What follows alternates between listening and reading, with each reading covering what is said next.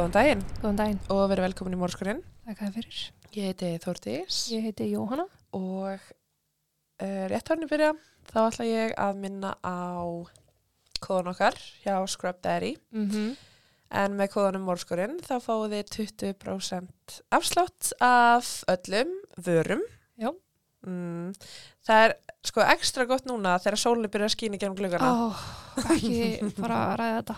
Ég var í gær á fjórum fótum sko. Ég sko hef aldrei séð, ég vissi ekki að gluggar getur orðið svona skýrtir eins og mínir eru núna. Já, sko. og það líka. En já, endilega nýti ykkur kóðan. Um að gera. Yes.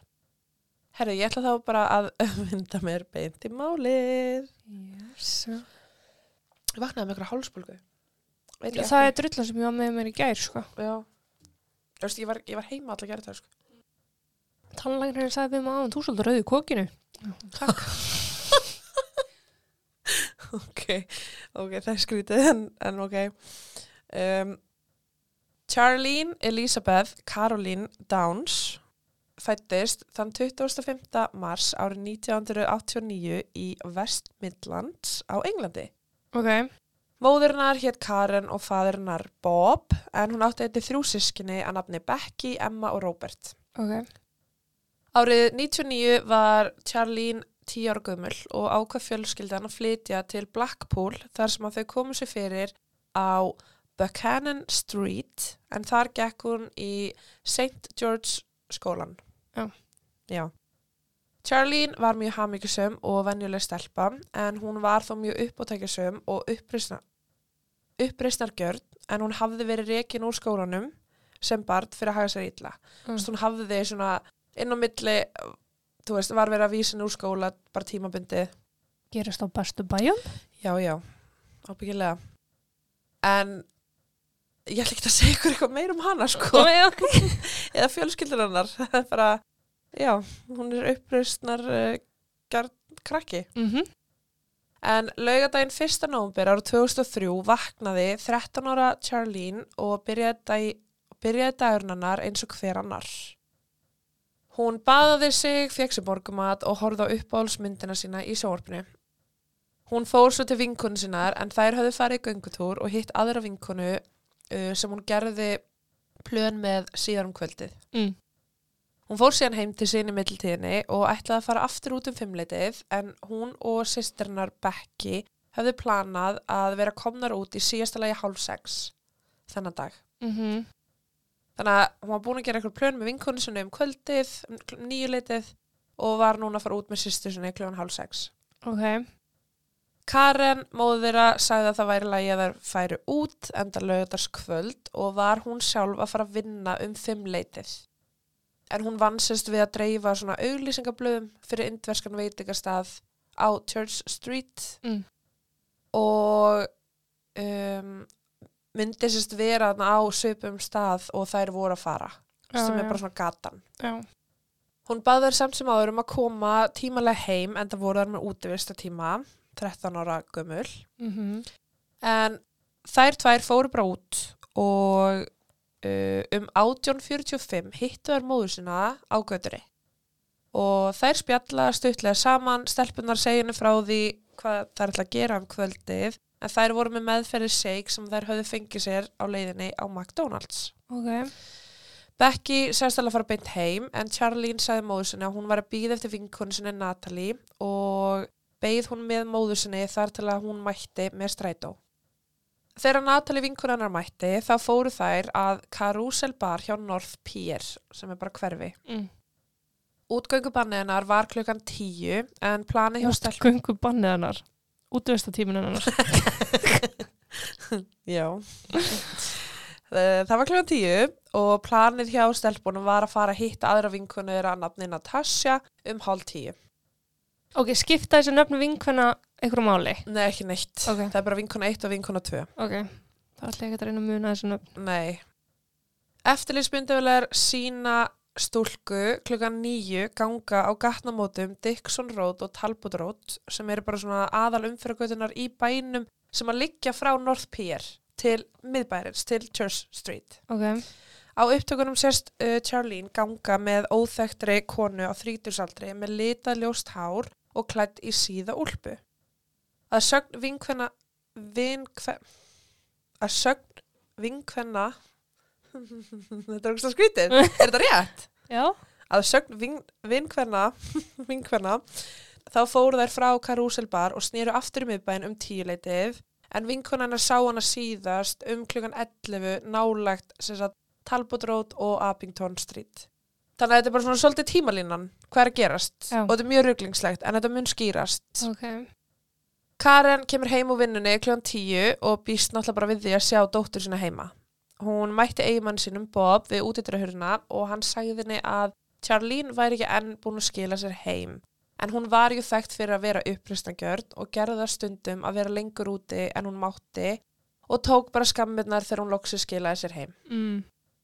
Fóreldrarnir reyndu að hugsa ekki mikið út í þetta og ætluðu sér bara að taka eitt gott spjall við hana þegar hún myndi loksis koma. Eftir nokkru tíma var hún ekki enn komin og þau ákveða að ringi síman hennar sem hún svaraði yfirleitt en ekki þetta skiptið. Að einhverjum ástæðum róa þau sig niður og ákveða bara að fara að sofa og byggust bara við því að sjá dóttir sína heima um morgunin. Já. Morgunin kom og það voru engin merki um Charlene að finna. En það var þá sem þau byrjuði að verða áekifull. Þau byðu í nokkra tíma bara í vonum að hún væri bara á leiðinni heim og að hún væri með eitthvað góða afsökun fyrir sengkomu sinni sem þau myndur síðar hlæja saman af. Ok.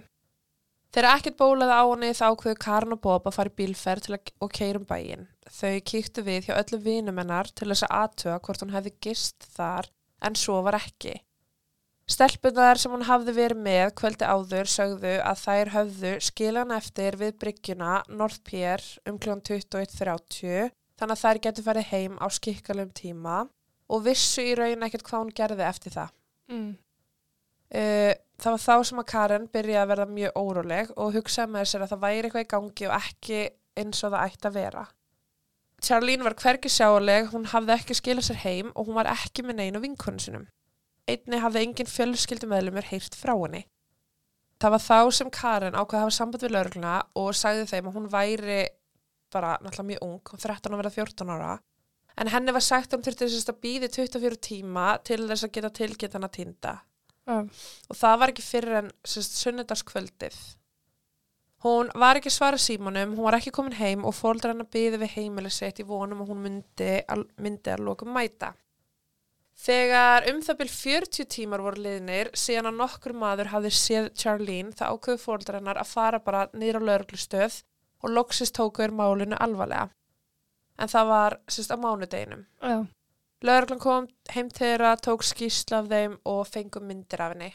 Og í kjölfarið hófst leita af henni þar sem að lögreglumenn gengu úr húsi í hús, töluðu við alla nágrana og lögreglumenn streymdu inn á heimilið til þess að reyna að finna einhverja vísbendingar. Ok. Mánudagurinn kom og fór og þriðjudagurinn var mættur og enn voru engin merki um Charlene. Það var á þeim tíma sem að hlutir byrju að líta ansi illa út. Uh, Charlene hafði sérst nýlega verið rekin úr skólanum tímabundi fyrir slæma hegðun og hún átti að byrja aftur í skólanum á þessum þriðjudegi. En þrátt fyrir að hún hafi verið rekin, þá var það ekkert hennar vilji að vera ekki skóla. Hún elskaði skólan, félagslífið og var bara alltaf jafn spennt að mæti skólan og hitta vinn sinna. Mm -hmm. Hún var bara með-. Nei, ekki endilega námið, hún var bara með hegðunar vandamál Já. í rauninni sem örgulega var bara ekkert verið að sinna almennilega. Mm Og það var því bara fjölskyldarnar ljóst að eitthvað hefði komið upp á þegar hún mætti ekki í skólan á þriðudeginum. Af því hún búin að vera mjög spennt fyrir því að fá mæta aftur. Dagar breyttust í vikur og ekkert bólað á Charlene. Ekkert af eigumennar fannst á víðavangi, það voru engin símtöl, engin skilabóð gerður úr símanumennar og það var í raun bara eins og hún hafi bókstælega gufað upp. Fréttir um hvarfennar fór á flakk og lögreglunni byrjaði að berast margar ábyrtingar um að hún hafi sest hér og þar með þessum og hinum. Einhver sagðist hafa síðan að sofandi á einhverju götuhorni á meðan annar sagðist hafa síðan í lest á leiðinni úr bænum. Það var einni aðili sem að hringdi í laurugluna og sagðist hafa séð Charlene látna á einhverju lestarteinum. mm. Lauruglan skoðaði og fylgdi eftir hverju einustu ábyrtingu en þær skiluðu bara engum árangri. Nei. Það var ekkert sem kom út þeim. Eins og svo oft í aðstæðum þar sem að barn týnist þá er nánasta fjölskylda alltaf skoði fyrst. til að útiloka að þau getur haft eitthvað með hvarfi að gera Mhm. og í kjölfari var hafin rannsókt þar sem að leita var af vísbendingum inn á heimilinu. Fjölskyldan var tekinni skýrslutöku í sikvaru lægi og góðkunningar fjölskyldunar voru einnig tekinni viðtöl en það var bara ekkert sem að koma úr þeirri rannsókt sem að lögreglinn þótti vera grunnsamlegt. Ok. Eftir nokkra vikur tók Karen eftir því að engin fréttaveita á staðnum var að fjalla um mál Charlene þannig að hún ákvaði að hafa samband við þá og bað þá vinsalegast um að byrta upplýsingar og myndir af henni uh, í öllum blöðum í von um að einhverju myndir stíga fram með upplýsingar. Já. Þeir sögust alltaf að gera það og útskýrðu bara fyrir henni að lauruglan hafi beðið þá um að taka þar upplýsingar um hana úr umferð þar sem að hún væri raun á flótta og að það væri ekkert sem er gæt, gætu gert. Nei, nei. Lauruglan hafði hins vegar aldrei sagt fjölskyldunni þessa kenningu sína að þeir telda að hún hefði stungið af Já. og þegar Karin hafði samband við lauruglan til að spurja það og hvort þeir væri með einhverja sannanir fyrir þessu að þá fekk hún einfallega bara nei en við bara teljum að svo sé það er ekkert annað. Það eru svo mörg vitni sem að hefðu mögulega geta komið fram með upplýsingar ef að máleganar hefði verið auglýst almennilega Frá upphafi. frá upphafi og á þessum tíma er Karin bara íta á sagt, til að fara að byrta þetta en þarna eru liðnar 34 vikur og minni fólks er bara ekkert jafn ferst Mm -mm. og það var þegar hún hvarf. Mm -mm, alls ekki. Eftir ábyrtingu Karinar þá var andlit Charlene í hverju einasta blaði og öllum fréttarásum og ábyrtingar byrjuði að bera slauruglunni á ný. En hver ein og einasta þeirra var skoðuð en þær skiluðu engum árangri í leitinni að Charlene. Ok. Vikur breytist fljótt í mánuð og engin skýring var til staðar um hvað hefði mögulega komið fyrir hana eða hvar hún væri niðurkomin væri hún á lífi. Næstað alvöru þróunin í málunannar var ekki fyrir þremur árum eftir hvarfinar þegar lögreglan ringdi skyndilega í fjölskylduna og baða um að koma niður á lögreglustöð. Þegar þau mætti þangað þá tók á mótiðum rannsóknar aðili sem að sagðist vera með slæmar fréttir. Hann bauð um kaffibotla og sagði þeim svo að hann telji að Charlene hafi verið myrt. Þau skildi ekkert hvað var í gangi, ef hún var myrt, hvað er líkið? Mm Hann sagðist vera 99,9% vissum að hún væri látin og let þau vita að lauruglan væri með handtökuheimild á tvo aðila sem að þeir töldu bera ábyrð á dauðanar. Ok. Lauruglan hafði bara útbúið nokkra kenningar í gegnum árin en einbyttu sér að einni ákveðinni rannsók sem snýrist um það að Charlene hafi verið myrt af einhverjum sem að starfaði á skyndibitastað í bænum. Þannig að á þessum degi breyttist mál hennar úr mannskvarfi yfir í morð rannsókn og tvær handtökur voru framkvæmdar. Voru það kannski veitingastanu sem hún var að dreifa dreifið með honum fyrir? Nei, það var Karen. Var það, ó, já, ok. Hún var ekki að vinna.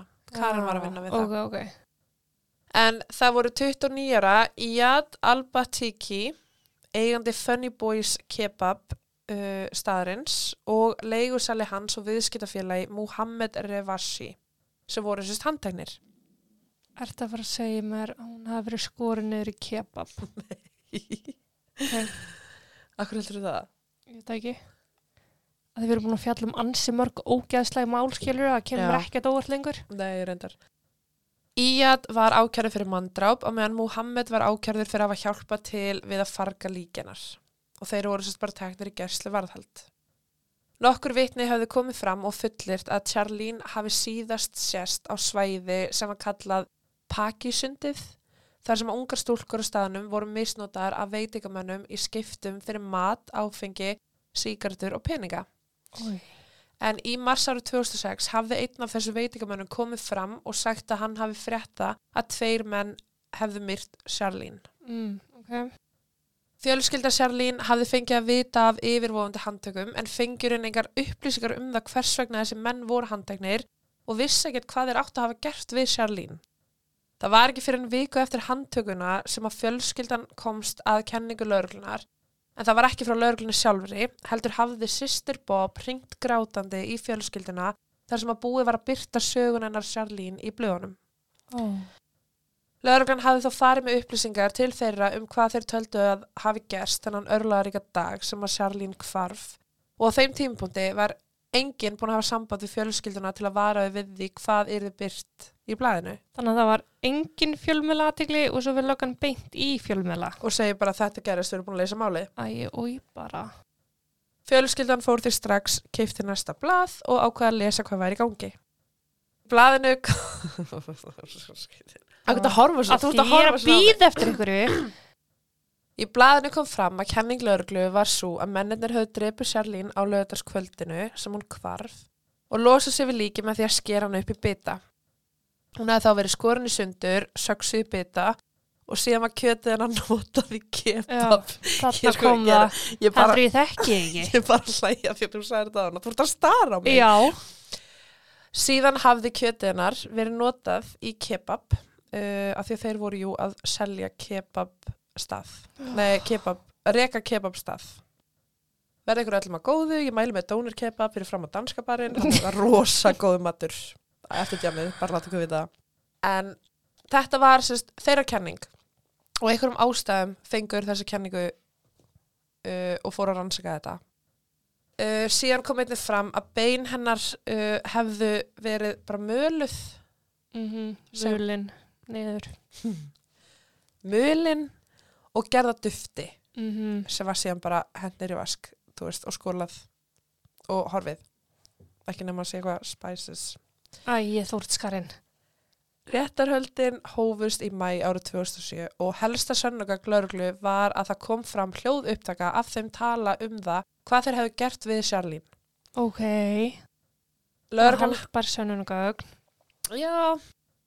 Lörglan hafði verið búin að setja upptökubúnað á heimilegra sem og í bílana þeirra síðustu fjóra vikurnar fyrir handtökuna og á þessum upptökum þá heyrast þeir vera að monta sig yfir því hvernig þeir drápu stelpuna og hvernig þeir förguðu líkin hennar.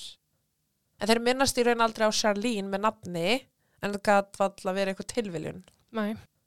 Í þessar upptöku segir Íad meðal annars að hann hafi stunda kynlíf með stelpunni og síðan drepið hana og sett hana í gegnum matfinnslu vel. Hann alltaf stundaði ekki kynlið með henni, hann nöðgaði henni. Já, þetta er hann sem hann segir. Já, já. Hann segir að hann hafi gert þetta. Og segir að síðan hafa hann selt hana sem kebabkjött. Þannig að náttúrulega gróðin á fyrirtækinu var góður, þar sem var engin útkostnaður. Í annar upptöku segist hann hafa drepið uh, stelpu af því að hann var reyður. Mohammed heyrist einni á okkur um upptökum vera að segja vera að segja að það sé ekkert eftir að kjötun hennar þeir hafi raun að selja allt. Mm. Uh, aðra vísbyttingar höfðu komið fram eftir að hafa yfirheyrt um 3000 manns á Blackpool-svæðinu en þær leiti ljós að það var eitthvað ógislegt í gangi á þessum stað. Iyad og Muhammed ásamt sem mörgum öðrum eigundum skyndibitastaða í bænum voru þekktir fyrir að notfæra sér aðstæður á unlingum sem að koma að borða hjá þeim, eins og ég segði á þann. En talið var að þeir ásamt öðrum hafi verið að tæla um 60 stelpur á aldrinum 11 til 15 ára Shit. og þá voru þeir sérst að gefa þeim frían mat, síkardur, áfengi, fíknefni í skiptum fyrir einhvers konar kynferðislegan greiða. Já. Af einhverjum ástæðum hafði hvorki lauruglan í aðrir heimamenn nokkra hugmynd um hvað raunverulega var í gangi og átti það eftir að koma í ljós að Charlene var ein af þessum 60 stelpum sem að hafði verið tælt Mm. en það hafði átt sér stað um ári áður hún þarf og það mögulega oftar en einu sinni. Ok. Þetta voru í raun bara einu sönnugögnin sem ákjæruvaldi hafði gegn þessum mönnum þeir höfðu hvorki líkam á Charlene nýja einhver haldbær réttar sönnugögn til þess að sanna þetta Nei. og það var því rosalega erfitt til að koma réttarhöldunum. En eftir þryggja mánaða réttarhöld uh, sem allt þetta kom fram í að þá kom kviðdumur með niðurstöðu og það var í raun hung jury þar sem að þeir gátt ekki sammælst um niðurstöðu og það var því ekki að taka ákvörðun um það hvort þeir væru sekir eða saklusir. Nei. Helmingurinn taldi að svo væri og vildu að þessi menn myndi sitja inni til æfiloka á meðan að hinn helmingurinn sagði að það væru ekki næg sönnagögn gegn þeim til þess að sanna það að þeir hafi nokkuð með kvarfið á Charlene að gera. Dómur var því kveðin upp og mennirnir voru frjálsir ferðarsina. Það kom síðan fram eitthvað eftir réttarhöldin að einn af kviðdómundum þekkti annan þessara manna sem fer alltaf gegn reglum Já. til að byrja með og það kom einnig fram að bróðir eins þessara manna sem hafi verið ákjærður hann hafi verið að fylgjast með fólkinu sem var í kviðdómnum Mm. elda þau heim og eitthvað með það í huga hræða þá. Og allt þetta hafði náttúrulega mjög líklega mikil áhrif á það hvernig niðurstaðan var. En einnig skipti líka miklu máli að það fundust engin tengsl á milli Charlene og ákjærðu þú veist það var ekki DNA fingraför líkanar hefur ekki fundist Nei. ekkert svoleiðis. Og þú veist, það er enn ekkert eitthvað að fjalla um það nánar hvort að það hafi verið gerð eitthvað svona réttaransókn inn á kebabstaðnum. En ég held að það sé mjög erfitt vegna þess að þeir eru að meðhendla blóð og kjöt og alls konar Já. og þetta blandast allt saman. Og ég held að sé bara rosalega erfitt fyrir þá núna að fara að finna eitthvað, sérstaklega þremur árum síðar að fara að finna eitthvað eitthvað mögulegt sem að geti tengt við hana Mjög ólíklegt allavega. Já, ég held það sko. En út af því að kviðdómur gæti ekki komist að niðurstöðu og vegna þess að það voru ykkur kvillar við val á kviðdóm að þá var málunu áfríðað í april sama ár eða 2008 og sóttist ákjörvaldi eftir endur upptöku. Ákjörvaldi vildi einni fá tíma til þess að finna betri sönnagögn sem að gæti gert það að verkum að kviðdómur gæti mögulega komið með niðurstöðu. En það hins vegar gekk ekki vel og í ljós kom að það var eitthvað svona varandi upptökuna sem að, sérst, að því að þeir eru að tala á öðru tungumáli þannig að þú ert að fá tólk Já. til að tólka sem að þeir eru að segja og skrifa niður Mm og það var eitthvað við það sem að, að tólkurinn hafi misheirt einhverja setningar Ok. Og hafi ekki skrifað alveg eftir hvernig þetta var og er náttúrulega upptökan er ekkert eitthvað mjög skýr Nei. og það er gert að verkum að um, það var ákveð að nota þessar upptökur ekki. Þær Ah. voru bara ekki taldar vera góðar. Ok. Þannig að það voru engin ný sönnugögn og reyndar voru en, engin sönnugögn sem var hægt að nota til að sækja á til saka. Þú veist þetta með að hún hafi verið tæld af þeim og hún hafi verið hérna, þeir hafi kynferðislega áritan á okkur tímapunkti. Veist þetta voru alltaf bara svona sögursagnir sem voru í bænum en það voru engin sönnunagögn með það. Nei. Þannig að uh, það var því ekkert hægt að gera neitt og málu var fellt niður og þeir fengu báður 25.000 pund í skadabætur fyrir rángar sakargiftir Oh my god. og fyrir að máli hafði farið gegnum önnur réttarhald án haldbara sönnugagna og voru þau í raun bara frjálsi ferða sinna með peningi sinn til að kaupa nýtt kebabkjöt. Æi. Viku eftir réttarhaldin var Karen handtekinn fyrir að stinga eigimann sinn í rifrildi en hann lagði ekki fram kæru og Karen sagði að hún hafi einingi skert þetta vegna þess að hún var bara að upplifa mikla sorg og vanlíðan en þau voru bæði að ganga í gegnum mjög erfiða hluti. Fjölskyldan trúði þessari kenningu lögreglunar um að dóttir þeirra hafi orðið Tordís Þú hefur alltaf verið eitthvað fyndin. Nei, ég, í alvörunni, ég bara ég er að lesta núna og ég er áttið með á því að þetta hljómar ógæslega illa en ég skrifaði um að dóttir þeirra hafi orðið að kebab Já. Já Þið fattu hvað ég minna Mm -hmm. Já, þau sérst trúa kebab-kenningunni. Þau, en sérst fjölskylda var partur af English Defence League, eða EDL, og British National Party, BNP, Ok. sem að eru sérst að, bara þetta er hægri sinnaður öfgaflokkur í Breitlandi, sem að stendur fyrir þeirri skoðun að þessi verið að brjóta mannréttindum, bresks fólks, með því að hleypa innflytjandum inn í landið, Æi. sem og að þeim sé ógnað af því fólki daglega.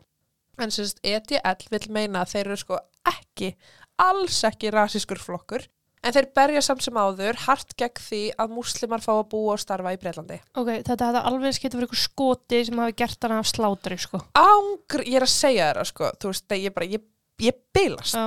ég bilast. En þau vilja sérst meina að sko fóreldrannar og aðrir meðlumir EDL hafa komið óberlega fram með sína skoðanir varandi Charlene og vilja meina sérst að menninni tveir að því að þeir eru uh, innflytjandur, Mm. eru sérst að frá öðru landi, Já. að þeir hafi í raun verið vendaðir að lauruglu síðan þeir voru ákjærðir og að þeir vilja meina að þetta sé sérst ákveðin spilling. Akkur lauruglan er að venda þá en ekki hana sem bara breskan ríkisborgara, mm. það er raun það sem að þau eru að segja. En hvað, hefði þetta verið breyti og bara eitthvað kjötiðina að maður, ætlaði það að banna alla kjötiðina að mann? Þau hefðu örgulega fundið eitthvað annað, sko. Já. Þetta er svolítið svona gert í einhverju neyð þú veist, í einhverju svona kóp Já, þú verður bara að reyna veist, að gera einhvað til þess að réttlæta hvernig þeim líður sko. ég er að segja, þú þarf bara að finna eitthvað og að nota rasisma er aldrei leið. nei, nei, nei, nei, nei. Aldrei leið. Mér er alveg sama hvað gerðist, gerðist ekki. Æ, ég veit ekki, þú veist, þetta er bara, þetta er allan ekki leiðin nei, þú veist, að því að fó- fólk er alltaf svo fljótt, þú veist, að hoppa í rasismann þegar að það er ekkit annað. Mhm. Og ég, þú veist, bara því þau geta það, því að Mhm. það er, þú veist, oh, já, bilast. En, sem sagt, fóreldrannar og þetta EDL og eitthvað, þau hafa verið mjög opinber með sínar skoðanir og bara mæla ekki með að googla þetta og lesa hvað þessi samtök standa fyrir. En, sem sagt, Íat, hann hefur nokkru sinnum lent í kasti við lögin eftir að réttarhaldin á sér stað, en hann var meðal annars uh, tekin fyrir kynferðisofbeldi en hann var aldrei ákærður og hann fekk aldrei fangelsistóm á einhverjum ástæðum. Árið síðar eða í mars árið 2009 var Emma, sýstir Sjarlín, hún var ákærð fyrir kynþáttaforduma og líkamsárás fyrir að hafa ráðist á bróðir Íat á næturklúpi. mm. Bróðir Íat kemur málunu ekkert við. og getur ekki tekið ábyrð á gjörðum bróður síns Alls ekki. En ákæran var fælt niður þar sem hún játaði á sig sérst líkamsárás já, ok, og þurftur bara að borga skadabætur. já, Það sama ár leitir rannsókn IPCC sem er sem sagt bara endurskoðun á lauruglustörfum frá óháðum aðlum. mhm Uh, það er stopninin. Þau leittu í ljós að það voru miklar efasemdir með þessa upptöku. Hljóðgæðin voru léleg og bara sögði raun að rannsókn lauruglunar á máli Særlín hafi verið illa unnin og ófagmannleg og þeir fengur sér satt skýslu í hendurnar með lista yfir það sem var ábútavant og sjö rannsóknarlauruglumenn sem að koma á máli Særlín fengu viðvörun í sínu starfi. Ó, ok Já. Árið 2011 var haldin minningaratöfn á vegum BNP og í þessum minningaratöfnum voru sérst mótmæli hafinn gegn múslimum. What a way to uh, remember your daughter, já, kom tjóks. það er líka svo leiðilegt. Að vera að tengja þetta við eitthvað svona hatur. já, en sko líka því að þarna í öllum öru kringustæðum þá myndum maður bara finna til með fóröldrunum Já, en núna er ég bara eitthvað, æ, þú veist. Já, þegar eigi vorkunna nánast ekki skilið nei, hvernig þið er að haga ykkur sko. Já, kill them with kindness, sko. já, uh, Um, árið 2012 var bróðir Sjarlín handtekinn fyrir að hafa ráðist á Mohammed og það sama ár fekk Karen viðvörun frá lauruglunni eftir að hafa dreift bæklingum um að Iyad og Mohammed hafi dreipið dóttur sinna og komist upp með það. ok það, ég tengi alveg frek við það heldur en Algjörlega, sko, já, algjörlega. Í nóvumber árið 2013, eða tíu árum eftir að Sjarlín hvarf, þá voru byrtar ásakanir í The Times um Karen og Bob. mm, Þá var hans byrjað að grafa í máli. Dagblæði greindi frá gögnum sem að fullirtu að lauruglan og félags þjónustan í West Midlands hefðu hafið rannsókn á fjölskyldunni áður en þau fluttu til Blackpool ára 99 vegna þess að dæmdur kynferðisafbrotumæður sem að hafði þrísvarsinnum hlotið fangelsistóm fyrir nöðgun og líkamsárás á ungum stúlkum, hann hafi sérst verið fastagestur inn á heimili fjölskyldunar. ó, ok Í frétt Times var því haldið fram að fjölskyldan hafi flutt til Blackpool eftir að félags þjónustan hafi hótað að lögsækja fóreldrarna fyrir vísvitandi vannrækslu og fyrir að láta börnin umgangast hættulega kynferðisafbrotum menn. Og þess vegna hafi þau flutt. já, Karin fullirti síðar í minningagrein að þau hafi byrjað upp á nýtt og ákveða að flytja sagt, eftir að hafa lent í deilu við nágrana. Hún upplýsti einni að eiginmaður sinn hafi verið að fá ráðgjöf vegna þess að hann hafi lengi íhuga það að hann væri trans. ok Hann klætti sig oft upp í kvennfatnað og hann kallaði sig í raun Martína. ok, Mér finnst smá eins og hún sé bara nota þetta til að fá okkur svona uh, þannig verið að ofinbera það að þau eru með kynfyrirsafbrotum menn á heimilinu. Mhm. Og mér líður svona smá eins og hún sé bara eitthvað já, maður minn er trans. Eða Já, ég fættur eitthvað að meina? Svona eins og hún sé að reyna fá svona sóputin teppi sóputi teppið ekki og aðtegla okkur öðru.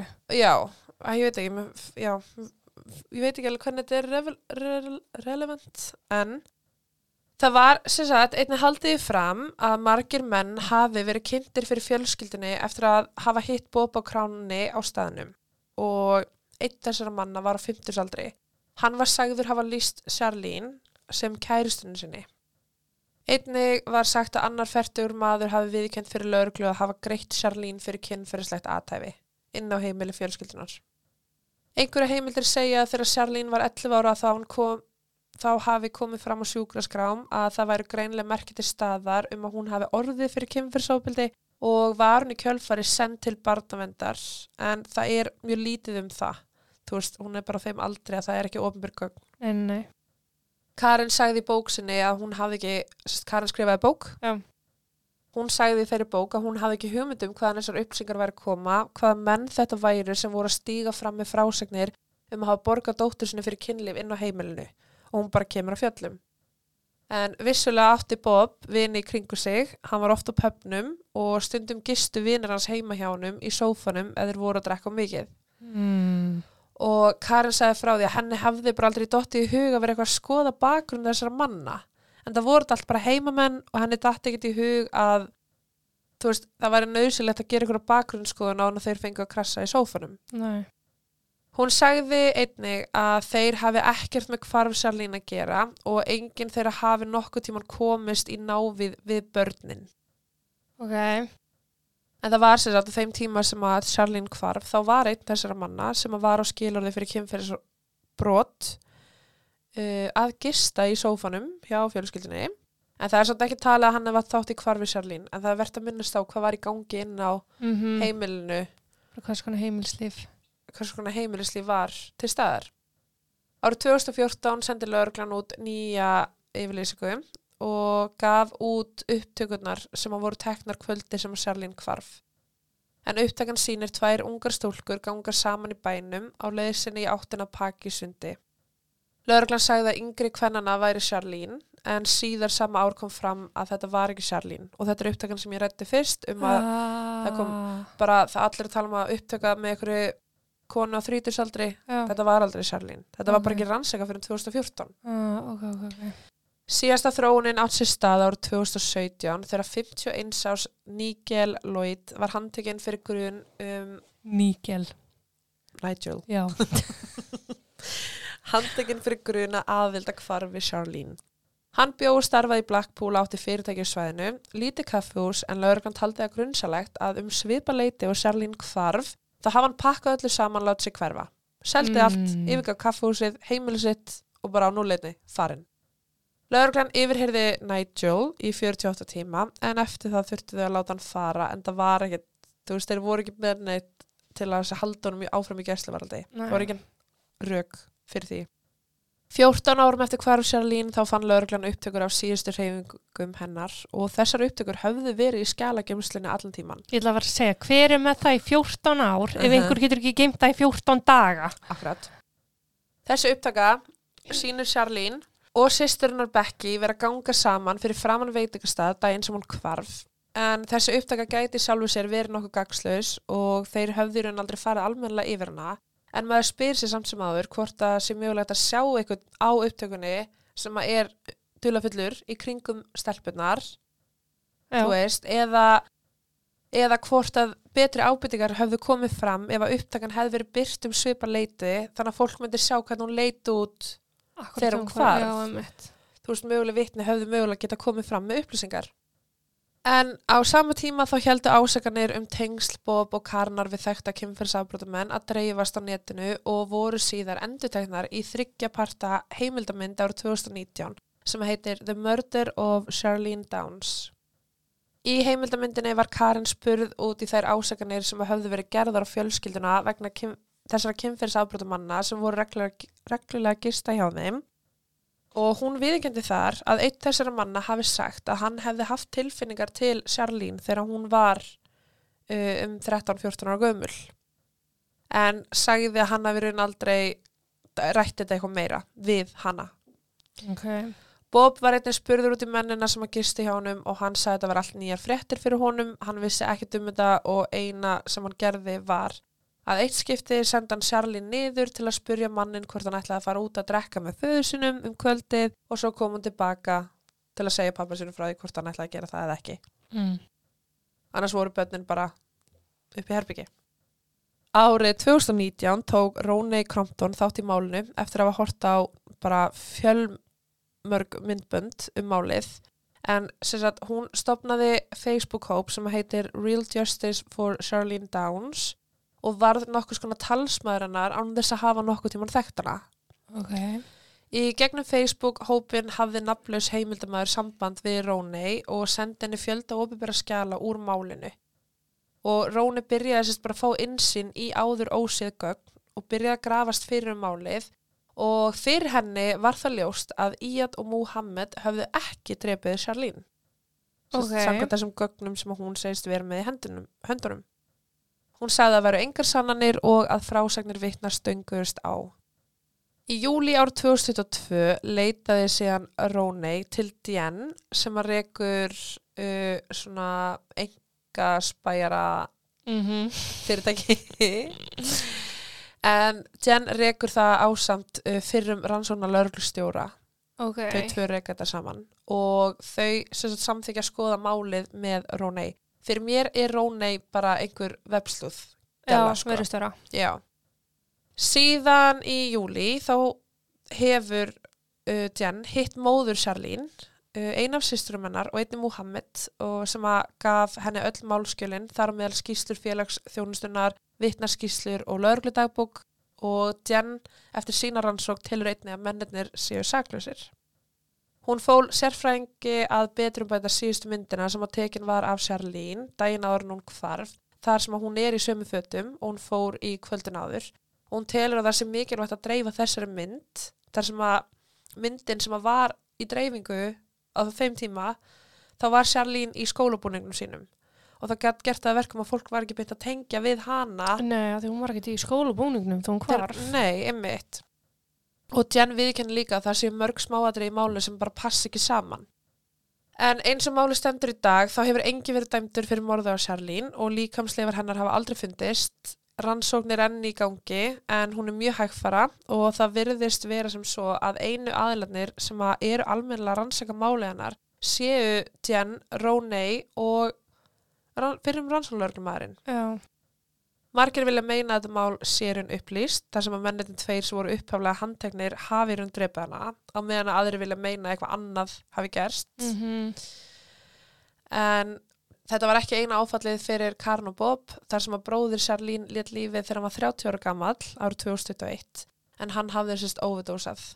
En honum hafði liðið eitthvað illa fyrir um daginn og kvartaði við verkum, kom heim til sín um 18.30, sopnaði upp í herbygginu sinu og e, þegar Karin fóru aðtöða með hann þá virðist hann bara vera sofandi en í ljós kom að hann var látin. Ah, ok. Já.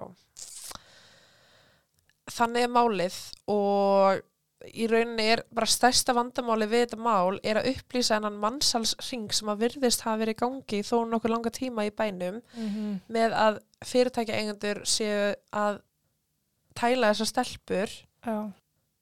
og í rauninni einu kenningarnar í þessu máli er einmitt að það hafi verið einhver fyrirtækja eigandi á staðnum sem hafa bara notvært sér þetta Já. um, og þá er kenningin svo að sagt, Charlene hafi hótað að segja frá Að eitthvað...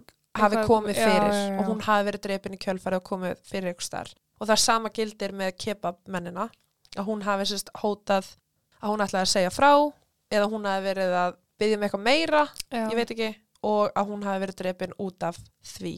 Og það sé sér að ástæðan fyrir því að hún var dreipin Mm af því hún var ætlaði að segja frá þessum upplýsingum. Og síðan er það það að hún hafi verið drepin af einhverjum kynferðisafbrotamanni sem hafði á einhverjum tímpúndi gist á heimilinu sem hafði bara séðana og er bara með barnakind. Já. og þú veist, já en á saman tíma þeir voru náttúrulega allir staðsettir á gamla heimilinu Mhm. eru þeir að keira á milli veit ekki, en Nei, maður veit aldrei, jú, kannski er bara mér finnst þessi hérna mannsalskenning mega meira sens. Ég veit ekki með þessa kebabmenn, sko. nei, Allan að, að þetta, þú veist, sko með kebabmenna, það er bara eitthvað sem búið að vera í gangi sagan í bænum alltaf. Já, en það getur líka verið út af rasisma, sko. Mm Algjörlega, sko. Svona úr því að það búið að lita frásögnuna svolítið af rasisma. Já. Og þá varum maður einhvern veginn að taka þeirri myndilega líka, sko. Mm En svo líka, svo getur líka vel verið að þeir hafa gert þetta og, og, og gert hana kebab, skilur, við vitum það ekki. Og við munum í raun aldrei koma staði vegna þess að það er það búið að eigða sönnugögnum þó nokkuð vel, sko. Já, það er svona spurning hversu vel businessin var að blómstra eftir þetta. Trúlega ekki mjög mikið, sko. Ég heldur hafi mist allt, Já, bara bókstala allt, sko. Og fjölskyldan er náttúrulega búin að árita þessum menn mjög lengi. já, maður vill samt einhvern veginn trúa því að lögreglan myndi ekki henda svona fram nema vera með eitthvað virkilega haldbært á bakveða, sko. Já, og þeir voru með upptökunar. Já, en það, þú veist, á, það er eitt að segja þeir hafi sko myrtana, það er annað að bara, heyri, já, þeir tóku og myrtana, bútu hana, eldu hana Já. og seldu hana í kebabvefjur.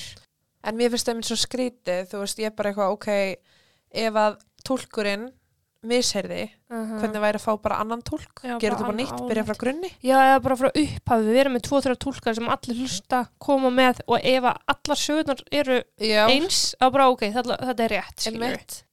En málið er sko að þú veist, tólkurinn misheyrði ekkert eitthvað allt og bjóð til heila sögu, veist, Nei. eitthvað af þessu voru þeir að segja, sko. Já, og þú veist, við vitum það alveg, að þeir sögðust hafa drepið eitthvað stelpu og þeir sögðu að kjöti væri búið og allt þetta, Mm þú veist, en það var bara eitthvað partur sem var ekki samræmi og þá náttúrulega er þetta bara bara klúður. já, og ekki hægt að nota þetta þannig að þú veist, það, þeir hafa sagt eitthvað á þessum upptökum sem að létt laurugluna Mm skoða þá nánar og En hún er aldrei nefnd að nafni í þessum upptökum að það. Nei, er það er bara að tala um bara stelpu. Já. já, stelpan. Þannig að það getur líka vel verið eitthvað önnur. Mm en þetta mál er allavega óupplýst, afsækið það. Já, og þú veist, eins og ég segi það Róney, Jen og Jazz eru á fullu að reyna að rannsaka þetta, þau eru með Facebook-hóp og það er samt svo, oh, ég veit ekki, Það er- það er x mikið sem þau geta gert, sko. það er eiginlega bara ekkert sem þau getur gert nema að fara yfir gögnin alveg svo þau er að gera Það er líka svo langt um liðið, sko. Ef þetta var eitthvað sem var að gera sér í rauntíma, þá, þá finnst mér að vera annað, sko. já, nákvæmlega En, en já, ég allavega hef ekkert meira við að bæta ef það kom einhverjar uppvæðslur í máli að þá klárlega læti ég ykkur vita talað um uppfæslur, við erum alltaf að búið til uppfæsla það. já, við þurfum að gera, við Já. þurfum að henda einn eitt góðan uppvæðslu þátt ég veit ekki, þú veist, það er bara stundum er uppvæðslan bara eitthvað ein setning og þú veist, vil ég hafa þetta allt í einu Já, einmitt. þú veist, og þá maður bara eitthvað, ok, og næsta máli er þetta og Ég- næsta máli er þetta og maður kannski nenni ekki að hlusta á allt, ég veit Ég ekki held að þyrfti að vera eitthvað svona, herru, svo var að málið um þennan og það var þetta sem gerðist og þetta sem gerðist málstau og endaði svona. já, Uppfæslan er þessi já, og framhaldið er þetta. algjörlega ef þeir eru með eitthvað hugmyndir, láta okkur vita Endilega. en ég ætla bara að segja takk í dag, Já. takk og bless Mm Takk og.